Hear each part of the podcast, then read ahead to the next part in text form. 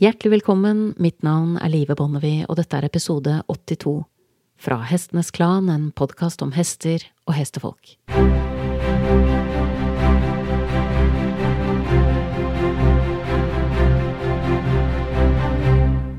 Jeg kjøpte min første hest da jeg var 17 år gammel, og jeg husker så godt følelsen.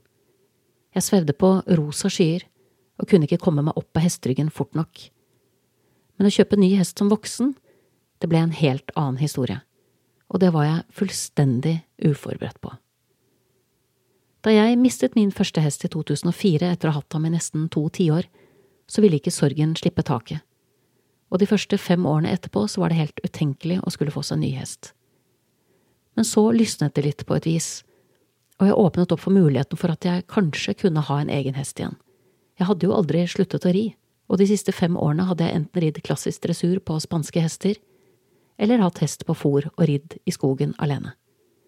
Jeg red typisk ikke mer enn én gang i uka, i tillegg til et hestetreff eller to i løpet av året, der jeg dro på ridetur på leide hester med gamle kjente, men jeg følte meg mindre og mindre komfortabel med å ri andres hester. Det ga meg ikke lenger noe god følelse å klatre opp på en hvilken som helst vilt fremmed hest og kreve at den skulle bære meg. Det kjentes grådig, hult og halvveis så jeg begynte å lese Finn-annonser igjen, og følge med litt på hva som rørte seg. Det første som slo meg, var hvor kresen jeg hadde blitt. Jeg så virkelig mye fine hester i årene som fulgte, men jeg prøver jeg bare fire av dem. Og jeg gikk kun etter personlighet, så det var ganske stor spredning i feltet. Jeg prøver en PRE, en islandshest, en Lusitano og en kaldblodstraver etter Atom Winter med samme farge som faren sin. De var veldig fine alle fire, men ingen av dem nådde opp eller kanskje det er riktigere å si nådde inn, for dypest sett var det det dette handlet om, kjemi, eller fraværet av kjemi. Og ettersom årene gikk, slo jeg meg umerkelig til ro med at resten av livet mitt kanskje skulle leves uten å være hesteeier. Jeg hadde fått oppleve hva det kjentes som en gang, kanskje øvelsen nå var å lære seg å slå seg til ro med det. Men så ville skjebnen det annerledes. Temmelig nøyaktig ni år etter at min første hest døde, så hadde jeg nettopp lagt bak meg en skoleturné i Aust-Agder med Den kulturelle skolesekken og romanen min, da min kulturkontakt ringte og spurte om jeg kunne ta et lite oppdrag til. Det var en skole til i distriktet som ønsket besøk, og siden kulturkontakten min syntes det var en lang reise for bare ett oppdrag, så forhørte hun seg litt, og det viste seg at det var et bibliotek som ønsket seg et forfatterbesøk også, og som ønsket å arrangere det på den lokale travbanen. Og slik ble det. Jeg dro til skolen som avtalt, og hadde et opplegg der, og så dro jeg videre til eh, en travbane i nærheten. Og der eh, traff jeg ikke bare en gruppe veldig hyggelige publikummere, men jeg traff også en gammel kjenning fra Islandshestforeningen, som inviterte meg på en kaffe og en omvisning. Og en omvisning hos en gammel kjenning fra Islandshestforeningen som også er oppdretter, når man selv har hatt islandshest og for tiden er uten hest, kunne jo innebære at man vurderte å kjøpe en hest, men det gjorde jeg ikke. Tenkte ikke tanken engang. På dette tidspunktet hadde jeg resignert eller gitt opp på et vis. Hjertet mitt var på mange måter fortsatt fullt av min første hest, kanskje litt for fullt til at man kunne få plass til en hest til, har jeg tenkt flere ganger. Jeg følte meg ikke hel uten hest, men klarte ikke å forestille meg et liv med hest lenger heller. Uansett, jeg fikk en omvisning hos oppdretteren, og vi var innom flere beiter fulle av hester. Men ikke et eneste øyeblikk tenkte jeg tanken på at jeg skulle ha hest igjen før vi kom til det siste beitet, der det sto to unghester. Dette var helt på tampen av dagen og sola lå lavt, og de kom løpende mot oss da vi kom inn, og den ene av dem fikk pulsen min til å stå i taket. Han hadde akkurat de samme fargene og nesten de samme avtegnene som min første hest, men jeg hadde jo sett masse hester med denne fargen, flere enn jeg kunne telle de siste årene, uten at jeg noen gang hadde tenkt at det var interessant i seg selv. Men det var noe med han her, noe som viste seg å være helt uimotståelig. Oppdretteren og jeg avtalte at jeg skulle komme tilbake helgen etter for å prøveri, og det ble en lang uke som jeg prøvde å bruke godt. For magefølelsen sa meg at dette var hesten jeg hadde lett etter, hesten jeg hadde ventet på. Jeg hadde aldri gitt opp håpet, skjønte jeg. Dypt der inne så levde drømmen om å oppleve et nytt samspill med en ny hest i beste velgående. Jeg skaffet stallplass, sonderte terrenget for en vettsjekk og stilte forberedt da jeg var tilbake for prøver i uka etter. Og da vi red ut av tunet, og hesten vinglet hit og dit på unghesters vis, satt jeg bare helt stille og forsøkte å kjenne etter om dette kjentes som hjemme. og da vi fattet galopp og red innover i skogen, var jeg 100% sikker. Dette var ikke bare nok en hest, dette var hesten. Budsjettet mitt tålte det, vettsjekken var ok, og plutselig, som ved et trylleslag, var jeg hesteeier igjen. Det jeg husker best, var ikke da hesten min ble introdusert for sin nye flokk, og hva jeg tenkte da jeg så ham på beite med de andre hestene. Det jeg husker best, var den lammende følelsen jeg hadde da jeg våknet dagen etter. Jeg tenkte, hva i all verden er det jeg har gjort? Det kjentes virkelig ikke bra ut. Borte var de rosa skyene som jeg svevde på som 17-åring da jeg fikk min første hest. I stedet lå jeg der i sengen, med en gråværsky over hodet som var svart av kommende bekymringer. Herregud, så stort ansvar det er å ha en egen hest. Å sørge for at han skal ha det bra resten av livet sitt, kjentes brått som en uoverkommelig oppgave.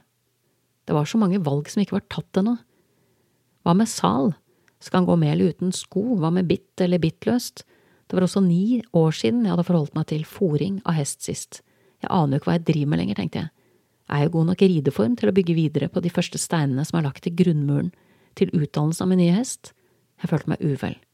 Jeg husker at jeg tenkte tilbake på den forrige hesten jeg hadde vært og prøveridd.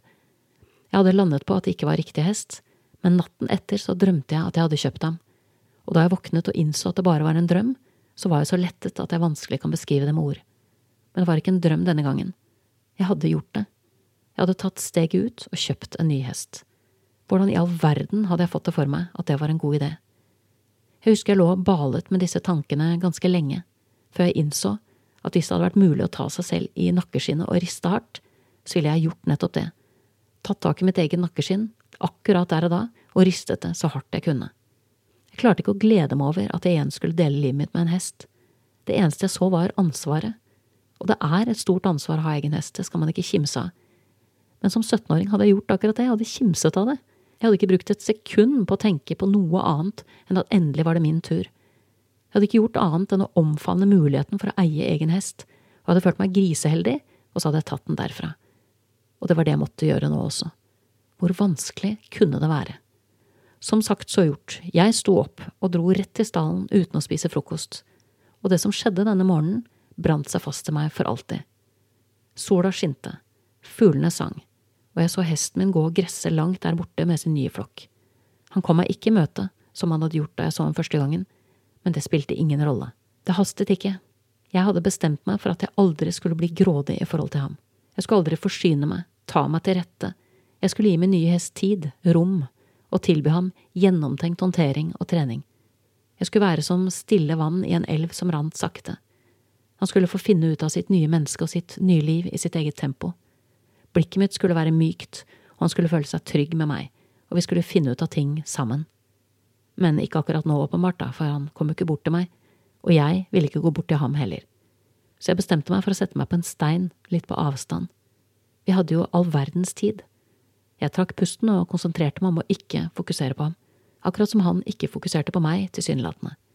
Han hadde knapt latt seg merke med at jeg kom, knapt hevet hodet, men ørene hans pekte umerkelig i min retning, selv om mulen var begravet i det frodige, grønne gresset. Hester er nysgjerrige av natur, og et menneske som verken henter dem eller går videre, er interessant, så jeg kunne merke at de fulgte med på meg, også min nye hest, om enn veldig diskré. Og så kom de bort og hilste, absolutt alle sammen, bortsett fra én, gjett hvem. Og tiden gikk, om det var en time eller mer, det husker jeg ikke, men jeg innså til slutt at han ikke kom til å komme.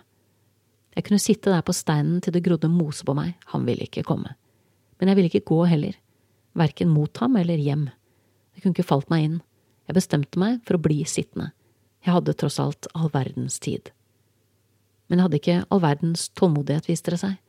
Og etter å ha studert den nye flokken, som hesten min var blitt en del av, så lenge at jeg følte at jeg hadde plassert alle individene, så gjorde jeg det mange moderne mennesker har gjort før meg. Jeg kjedet meg. Plukket opp mobilen av gammel vane og begynte å scrolle meg gjennom nyheter og Facebook-feeden min. Og jeg hadde ikke holdt på med det mange minuttene før det raslet i gresset ved siden av meg, og en skygge falt over mobilskjermen. Og der sto han, som et tent lys, med mørke, klare øyne skjult under den lange, lyse panneluggen. Her hadde jeg anstrengt meg hardt for å ikke virke ivrig, men han hadde sett rett gjennom meg og syntes det var altfor mye. Det var da jeg innså at man kan være rolig og behersket på utsiden, men fortsatt være travel og ubehersket på innsiden.